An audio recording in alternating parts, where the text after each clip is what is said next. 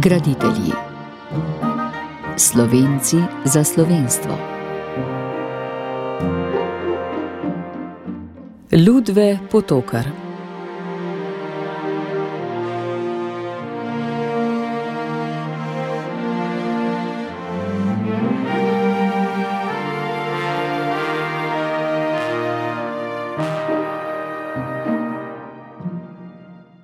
Pisatelj in publicist Ludve Potokar je odraščal na Cikavi pri Grosupljem. Drugo svetovno vojno je dočakal kot dijak. Ker je sodeloval v odporniškem gibanju, so ga italijani leta 1942 obsodili in poslali v internacijo. Po vrnitvi se je pridružil vaškim stražam in bil poznaje domobranski vojaški dopisnik. Maja 1945 se je omaknil na Koroško, bil vrnjen, a se mu je uspelo rešiti iz taborišča v Slovengradcu. Zatem je študiral na Univerzi v Gracu, kasneje pa v Clevelandu, kjer je magistriral iz ameriške kulture. Novele in črtice je objavljal v zdomskih in zamejskih časopisih.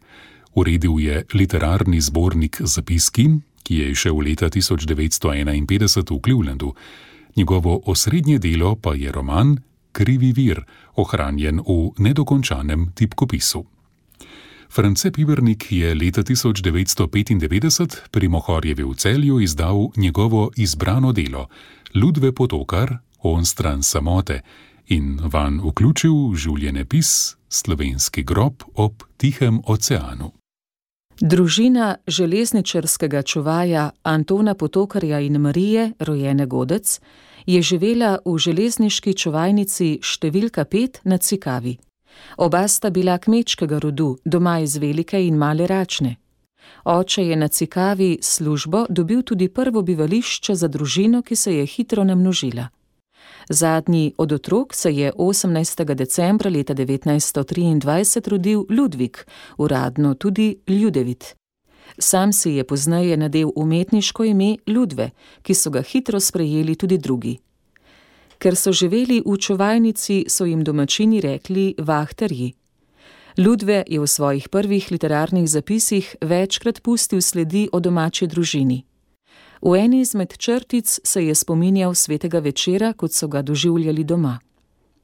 V pričakovanju Jezusovega rojstva so se po kajenju hiše vsi zbrali k molitvi. Oče običajno kleče pred posvečeno podobo, mati na zapečku, sestre in bratje na tleh ob klopi, nekateri na pol leže na stolih ob mizi, pred jaslicami in božičnim dreveščkom. Tako vsa družina, osem otrok in stara dva. Po slovesni molitvi svetega rožnega venca je vstal oče. V tisti tihoti je zmolil še eno če naš za rajne sorodnike in vse tiste, ki se na nje sinovi in hčere niso spomnili. Prekoračil je v škornjih sobo povprek, obesil molek na žebliček pri vratih in vzdihnil še enkrat. Potem so začeli vstajati drug za drugim, kakor iz globokega sna prebojeni. Zbudila se je trudna mati na zapečku, ostali so bratje in sestre. Sedli so na peč ali obnjo in gledali v jaslice. Oče je molčal in vsi so bili tiho. Nikoli bi človek ne verjel, da gre na tako majhen prostor tako velika družina. Tako čudno, neverjetno. Vse leto je bil v hiši prepir, ki zanj nobeden ni vedel dobro, zakaj je bil. Na sveti božični večer pa smo sedeli tesno skupaj, kakor ptice. Preden poleti v južne kraje, strmeli so v lučke in v tisoč iskr. Molčali so ali na tihoma govorili, kakor bi drug drugega prosili odpuščanja. Zaradi številne delovske družine in skromnega doma si je najstarejši Tone hitro poiskal delo, čeprav bi v drugačnih razmerah verjetno študiral. Po šestih letih škofijske gimnazije in dvoletni železničarski šoli v Beogradu je postal železniški uradnik. Kot navaja France Pibernik, je ob delu veliko bral in prevajal iz jezikov jugoslovanskih narodov, zlasti pisatelja Iva Andriča. Kot najstarejši je pripomogel, da se je družina lahko preselila v lastno hišo na Cikavi. Ludve je imel še štiri brate: Lojzeta, Staneta, Jožeta in Janeza, ter sestri Minko in Anico. Najbolj je bil povezan z Janezom, ki je bil le dobro leto starejši od njega. Ludve Potokar je v Šmarju končal pet razredov osnovne šole in se zatem upisal na tretjo državno realno gimnazijo za Bežigradom. Kot sin železničarja je imel prosto karto za vlak, zato se je vsak dan vozil od doma v Ljubljano in nazaj. Gimnazija je bila zahtevna, Ludve pa po oceni Pibernika predvsej samosvoj in neprilagodljiv, ali kot so zapisali učitelji, površen. Že prvi razred je moral ponavljati, zalomilo se mu je tudi v tretjem. Ker je imel v četrti gimnaziji več nezadostnih ocen in veliko ur izostanka od pouka, male mature ni mogel opravljati skupaj z drugimi. A gimnazijska leta niso bila povsem izgubljena. Izstopal je pri slovenščini, zlasti z nalogami. Navdušil se je tudi za botaniko, zanimal se je za mehkušce in žuželke. Med počitnicami leta 1940 je bil na taboru mladih raziskovalcev na planini Rtan v Srbiji. Neobvezno se je učil angliščino, španščino in italijanščino. Njegovi sošolci iz prve gimnazije so ga prihiteli za nekaj let, zato se med mlajšimi ni počutil najbolje. Najraje je bil nekoliko odmaknjen. Zgodaj je začel zahajati v kavarne in razne lokale.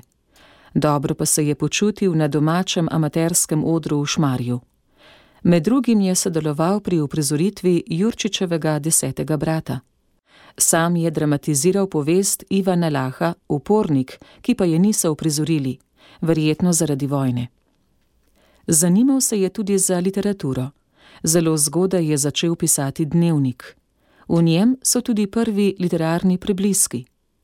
Začetek druge svetovne vojne oziroma napad na Jugoslavijo 6. aprila leta 1941 je Ludve Potokar dočakal doma.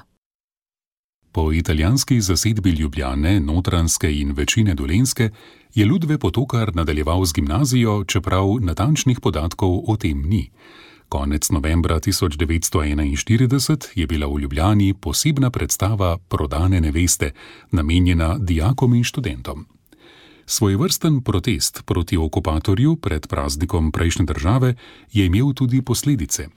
Vse, ki so bili na prireditvi v Ljubljanski operi, so italijani za nekaj dni zaprli v klet karabinjerske postaje v Šmarju. Tam se je znašlo več kot 20 fantov, med njimi sta bila Ludve in njegov brat Jože. Priprli so tudi očeta, ko je prišel poizvedovati Stefanta. Po nekaj dneh so jih izpustili. Že februarja 1942 so ga italijani znova prijeli. Odpeljali so ga v preiskovalni zapor na Miklošičevi v Ljubljani in obsodili na leto dni konfinacije. Razlog: članstvo v združenju, ki je delovalo proti političnim odredbam in državni ureditvi. Izjavil naj bi tudi, da gre rajši v gozdove, kot pa služiti italijansko vojsko. Ludve Potokar je kazen odslužil v taboriščih Moningo in Kjezanova. Domov se je vrnil maja leta 1943 in se pridružil vaškim stražarjem. Terenci, s katerimi se je poznal, so se mu zamerili. Med drugim so vrgli bombo v njihovo hišo, pri tem je bil oče ranjen. Zato je izbral vaške stražarje v domačem šmarju, čeprav ne z navdušenjem. Nekam je moral iti. Po kapitulaciji Italije se je njihova posadka napotila proti Turjaku. Ludve je bil v izvednici blizu Pijave Gorice težko ranjen in je moral v bolnišnico. Medtem je bilo ustanovljeno slovensko domobranstvo, zato se je po okrevanju pridružil domobrancem. Ostal je v Ljubljani in se s posebnim tečajem usposobil za obveščevalca in vojnega poročevalca. Iz leta 1943 so znane prve publicistične objave Ludveta Potokarja. V družinski reviji Obisk je objavil dva poljudno strokovna članka o žuželkah, čudni zaljubljenci in zakonci med žuželkami ter kako žuželke love in more. Verjetno bi sledilo še kaj, a je revija ob kapitulaciji Italije nehala izhajati. Ko je sredi leta 1944 začela izhajati revija Slovensko domobranstvo, je kot vojni poročevalec začel sodelovati v njej. Kot propagandist in dopisnik je bil dodeljen štabu Višnjegorskega bataljona. Prva potokarjeva reportaža z močnim propagandnim poudarkom je imela naslov Iz bojev z Dakijevo 18. divizijo. Podpisoval se je kot vojni poročevalec Ludvik Rogač. V Višnji gori se je zbližal z Maksom Rakom, ki je bil štabni kurir, motorist.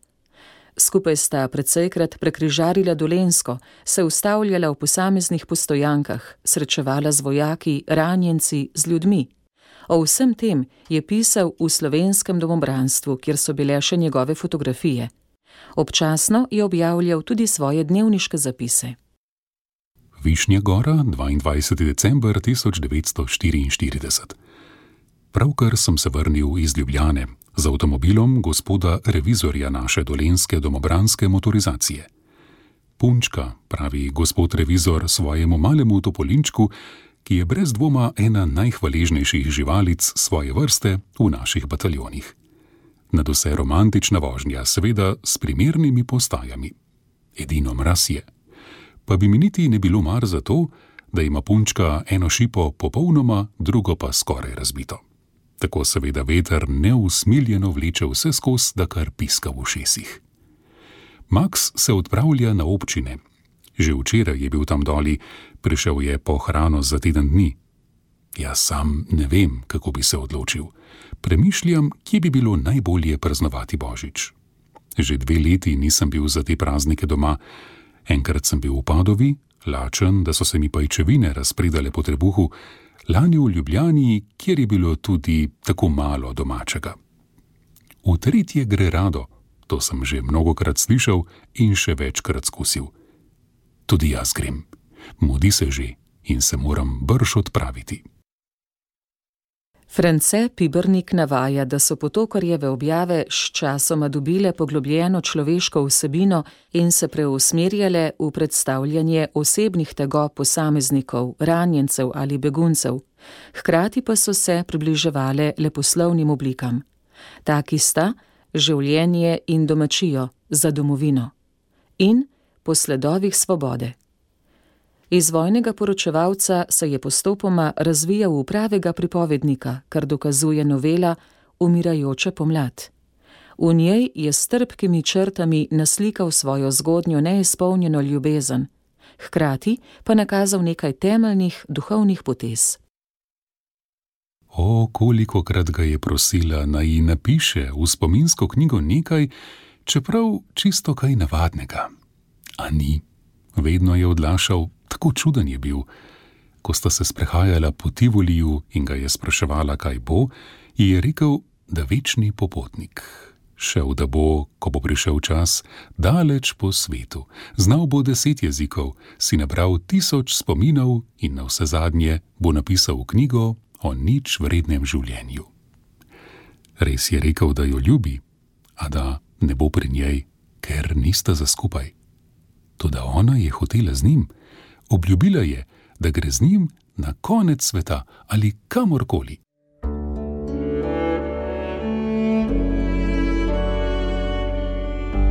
Poslušate podcast Radia Ognišče.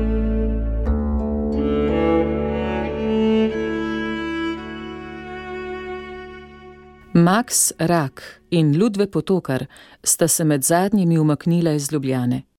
Prve dni maja leta 1945 sta se z motorjem odpravila na Dolensko, se 9. maja o pol enih zjutraj oglasila pri bratu Jožetu v Ljubljani. Ludve je vzel manjši nahrbtnik in se poslovil od brata, zavedno.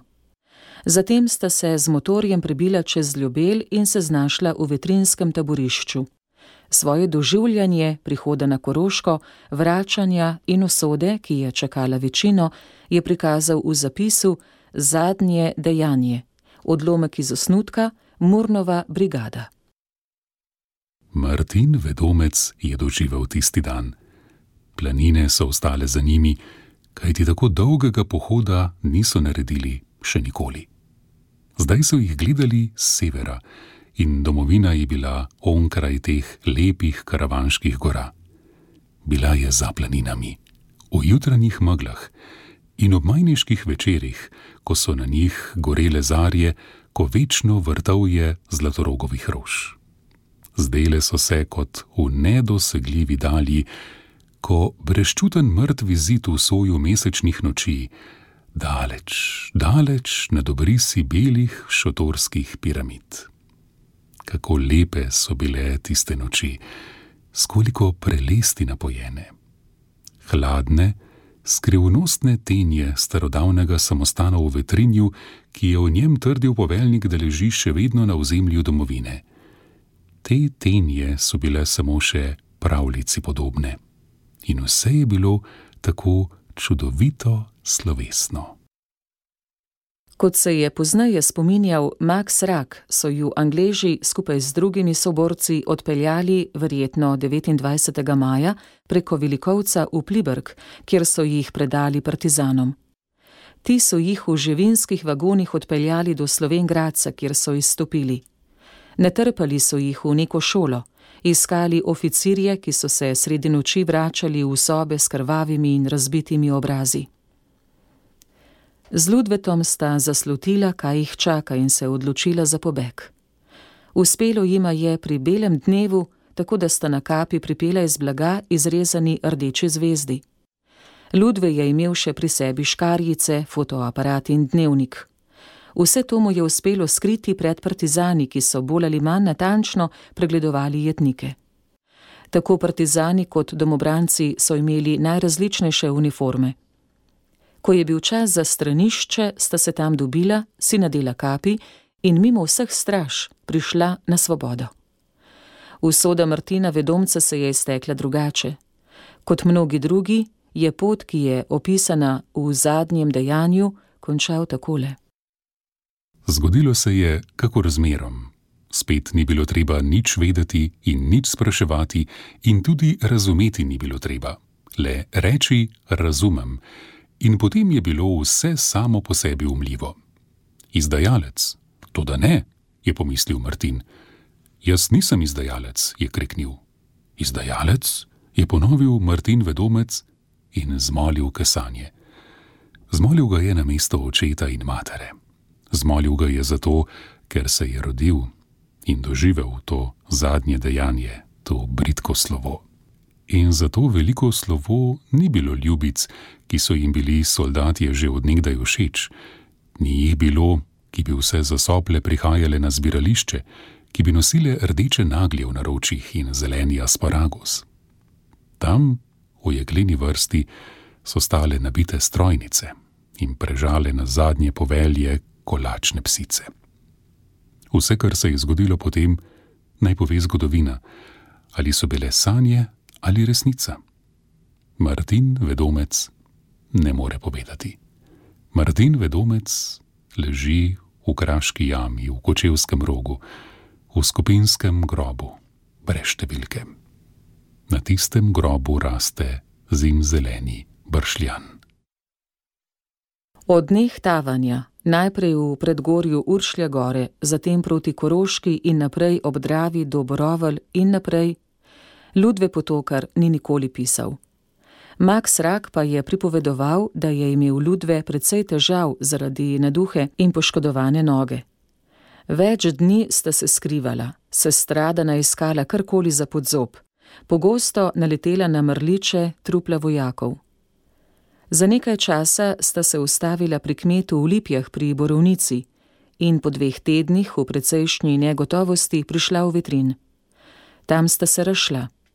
Ludve je odšel v taborišče Pegec pri Lijencu na vzhodnem Tirolskem, Max pa z družino v Šentvit na Glini. Potokarja so mnogi poznali zaradi njegovih poročil in reportaž v domobranski reviji, Tako ga je dr. France Blatnik povabil k sodelovanju v ciklostilnem listu Domači glasovi. Ludve Potokar je čas v taborišču izkoristil tudi za učenje angliščine ter se pripravljal na maturo. Ni se vključil v redni pouk na begunski gimnaziji, ampak se je posebej pripravljal na zaključni izpit.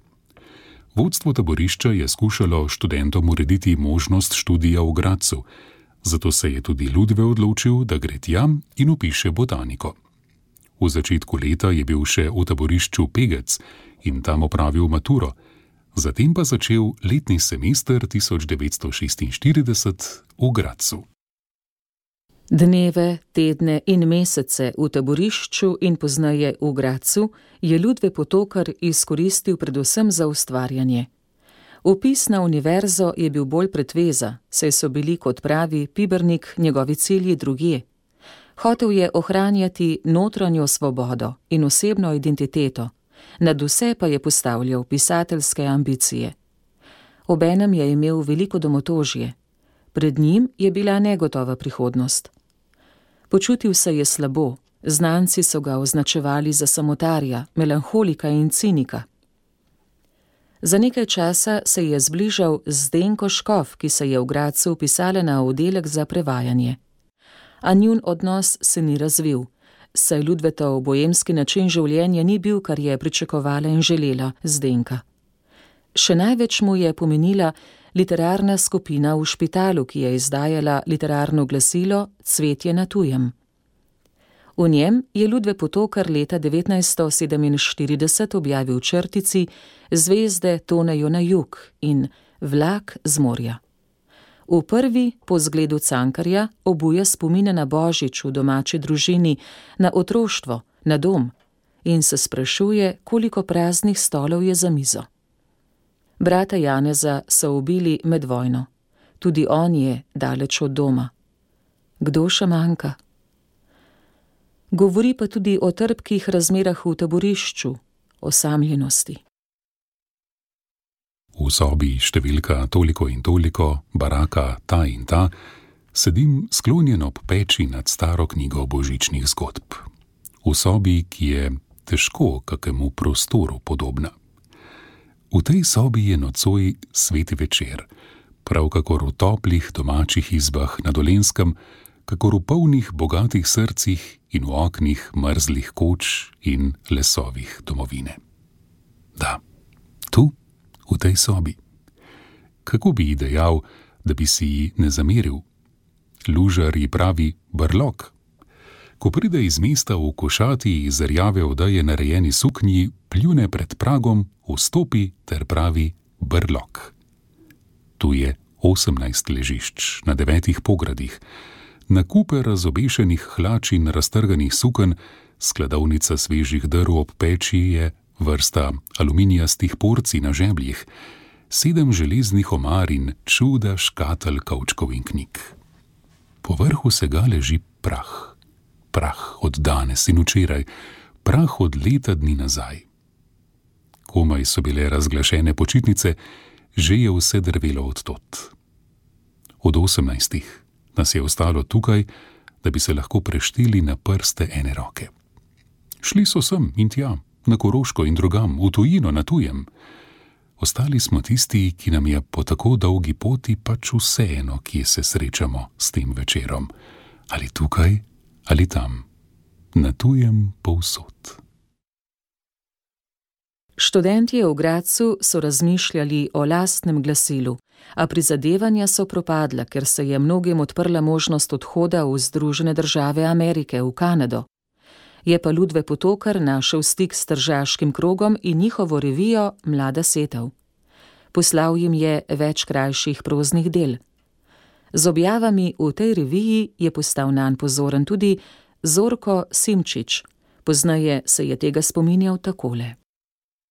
Ko sem v letih 1946 in 1947 živel kot izgnanec v Rimu, sem na povabilo urednika tržaške revije Mlada setev Petra Maljivca, Jožeta Petrlina, začel pisati vanjo. Leta 1947 sem v isti reviji prebiral Ludveta Potokarja, Cigane in Osute Platane in se začuden spraševal, saj sem vendar mislil, da poznam vse naše literate, kdo neki je ta avtor. Pseudonim? Ni mogoče, da za takega pisatelja ne bi vedel. kakor je razbrati iz spominov Lojzeta Gregorina, potokarjevega prijatelja in prav tako študenta na Univerzi v Gracu, so se pa tam v tistem času tudi oni, ki so prebirali v mladi setvi moje črtice, objavljene pod psevdonimom Bine Šulinov, spraševali, kdo bi to mogel biti. Italijanski zapori, napad pri Pijavi Gorici, težke vojne razmere, vrnitev iz vetrinja in pobeg. Vse to je pustilo v Ludvetu potokarju globoke sledi. Kot samotar jih ni nikoli predelal. Po besedah Pibernika je bil pogosto razdvojen, včasih pravi nihilist, na robu propada. Ko je bil že pol leta v Kanadi, je 15. januarja leta 1949 zapisal: V Gracu sem pol drugo leto poležaval v mislih na samomor. Kljub temu so bila njegova graška leta najbolj ustvarjalna. Kar naprej je pisal, novele in črtice. Med novelami iz tega časa izstopata eden od razbojnikov, temačna avtobiografska skica kritičnega osebnega stanja. In takole ob samotnih trenutkih, ki jo je sam označil za fantazijo. Tu je nastala glavnina dolgega romana Krivi vir, ki ga je dopolnjeval vse življenje, a je žal ostal nedokončan. V načrtu je imel še dva romana, vendar ni prišel preko načrtov. Znan je osnutek vojnega romana Krvave zvezde. Drobec tega bi lahko prepoznali v že omenjeni Murnovi brigadi. V njej naj bi upodobil Višnjegorsko postojanko. O romanu Krivi vir je Ludve Potokar že pred odhodom čez morje pisal uredniku Klivljenskega glasa. Ker vidim vaš prevod Ljubezen v senci vešal, vam sporočam, da stojim tudi jaz trenutno pred zaključkom svojega prvega daljšega teksta, ki se mu morda lahko reče roman. Ta roman obsega, danes še ni popolnoma na čisto prepisan, 450 strani običajnega formata knjige. Obdeluje dobo od 1938 do 1941, kraj Slovenija, motiv zgrešena pota ljudi v zagrizeni politiki, boj med tako zvanimi liberalci in klerikalci in podtalnim komunizmom. Okvir v boju cvetoča in na to propadla domačija. Pisano brez kakršne koli tendence, vsakemu svoj prav, kolikor mu gre, sicer pa podčrtavanje zavesti, da so vsa človeška pota k popolnosti in sreči kriva, nezanesljiva.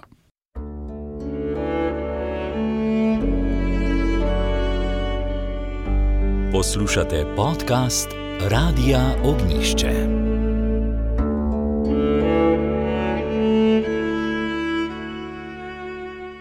Ludve Potokar se je julija leta 1948 iz Graca odpravil prek morja v Kanado. Njegov sponzor je bil slovenski izseljenec Frank Možina, ki je imel farmo v Ontariju. Po enoletnem obveznem delu se je potokar preselil v Hamilton in delal v tovarni za žice. Tam se je spoznal s slikarjem in pisateljem Božidarjem Kramolcem. V začetku leta 1950 se je preselil v Cleveland in se upisal na univerzo na časnikarski oddelek. Obenem je, tako kot Karl Mauser, delal v tovarni svedrov. Diplomiral je in leta 1955 končal še magisterij. Čas, ki ga je Ludve Potokar preživel v Clevelandu, je bil kljub študiju in delu v tovarni v pisateljskem smislu zanj precej ustvarjalen. Tam je bilo kar nekaj rojakov, ki so si prizadevali za kulturno delovanje. Skupina nekdanjih graških študentov, med njimi je bil tudi Potokar, se je na pobudo Mateja Resmana odločila osnovati klub mladih Krok in izdajati svoje glasilo. A je ostalo le pri zborniku zapiski. Tega je uredil Ludve Potokar ter v njem objavil novelo Cigani in odlomek iz romana. Sodeloval je tudi pri ameriški domovini, kjer je za nekaj časa prevzel urejanje posebne priloge Kanadska ameriška domovina, kjer je objavljal gradivo o delu slovenskih zdomcev v Kanadi. V pomoč so mu bili stalni stiki s slikarjem Božedarjem Tidom Kramolcem. Ludve Potokar je želel navezati stike z Buenosariškim krogom, tja je poslal odlomek romana Krivi vir, a so objavo odklonili, saj so želeli celotno besedilo. Pri slovenski kulturni akciji so se še po njegovi smrti zanimali za roman Krivi vir, da bi ga objavili. Tine Debeljak je o tem med drugim zapisal. Res je, da mi je potokar poslal polovico romana Krvavi vir v rokopisu, naj ga preberem samo jaz in takoj pošljem nazaj. To sem storil. Ocenil sem delo kot zelo dobro in ga že določil za prihodnje leto, ker za to leto ne pride v poštev, ker delo še ni končano. Še parkrat sem ga prosil, naj mi ga pošlje. In on mi je odgovoril: Vaše drugo pismo sem prejel Davi, Vsekakor vam bom poslal isto polovico romana, ki ste ga že imeli po zračni pošti doli k vam. Moja druga polovica tega dela ne napreduje tako, kakor sem pričakoval. Teže se uživim v ponazarjanje slovenskega okolja. In tako dalje. Po smrti sem se obrnil na župnika Turka, ki ga je pokopal. On je govoril s sorodniki, ki so obljubili poslati roman sem. Ni prišel. France Pibernik je raziskoval tudi potokarjevo ustvarjanje v angleščini. To je vezano predvsem na čas, ki ga je preživel v Clevelandu. Najprej je v študentskem glasilu Skyline objavil prevod svoje novele Cigani, The Gypsies. Izvirno pa je v angleščini nastala novela Dust of Time. A je pri tem ostalo. Saj so razni občasni načrti obtičali že pri naslovu, denimo, dediščina lipovega boga. Pibernik je še opozoril na potokarjev gmotni položaj. V tovarni ni bilo pravega zaslužka, zato se je ob študiju težko prebijal iz dneva v dan. To je vplivalo tudi na njegovo duševno stanje. Potokarjevo bivanje v Združenih državah Amerike je bilo začasno. Nameraval je nadaljevati študijem humanističnih ved a leta 1955 se je vrnil v Kanado. Nekateri navajajo, da je sam tako želel, drugi, da se je moral vrniti, ker ga je ta država sprejela kot begunca. V Vancouvru je našel začasno službo vzgojitelja, ki pa jo je hitro opustil, sprejel službo pri železnici v odmaknjenem kraju Blue River na transkanadski progi v Britanski Kolumbiji in vrsto let živel v hudi osami. Tudi v ustvarjalnem smislu je zašel v krizo, iz katere ni našel poti. Njegov dom je bila lesena baraka sredi prostranih gozdov in samote, kjer si je sam kuhal in prav. Rad je hodil na lov. Sredi leta 1963 se je Ludve Potokar vrnil v Vancouver, da bi opravil pedagoški tečaj. S tem spričevalom bi dobil normalno službo v srednji šoli veliko mu je pomagala družina Brgantovih. S prihranjenim denarjem si je uredil stanovanje. Le z redkimi prijatelji in znanci je ohranjal stike. Kot navaja Pibernik, ga je notranja razrvranost pognala v smrt, ki jo je sam povzročil s strelom iz puške. Predtem naj bi zažgal svoje dnevnike in verjetno tudi del literarne zapuščine. Svojemu prijatelju je pustil kratko sporočilo.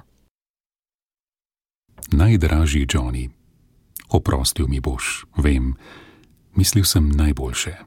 Toda razlogi, ki so onkraj mojega nadzora, so me prisilili v to. Moli za me in povej mojim prijateljem, da sem mislil na nje vse čas, ko sem se odločil za zadnje dejanje. Prilagam diapozitiv, ki bi ga Berger Peterson najbrž rad imel. Hvala ti za vse. Tako dober si bil upajva, da se bova spet sestala v svetu dobrote in brez nadlog tega nemirnega življenja. Lut. To se je zgodilo verjetno 28. marca leta 1965. Našli so ga nekaj dni po smrti in ga kot občinskega reveža pokopali na Vancouverskem pokopališču. Njegovega groba danes ni več. Pibernik je nekaj let po ureditvi in objavi potokarjeve ohranjene zapuščine pod naslovom On stran samote. O njem na kratko povedal. Ludve Potokar je bil eden izmed najbolj nadarjenih mladih begunskih pisateljev, tudi njegova slikovita, a močno boemska pot se je končala z obupom nad razmerami, v katerih se je znašel v desetletju tavanja, na zadnje po ZDA in Kanadi. Njegova vsakdanja eksistenca se je vse skozi gibala na robu, in čeprav so se mu na poti občasno pokazale preživetvene možnosti, ni vzdržal v preveč izpostavljenih položajih. Tudi pri njem se je vse dogajalo v razdaljah med umetniškim ustvarjanjem in osebnimi problemi, vendar ni našel dovolj trdnega oprijemališča za smer rešitve.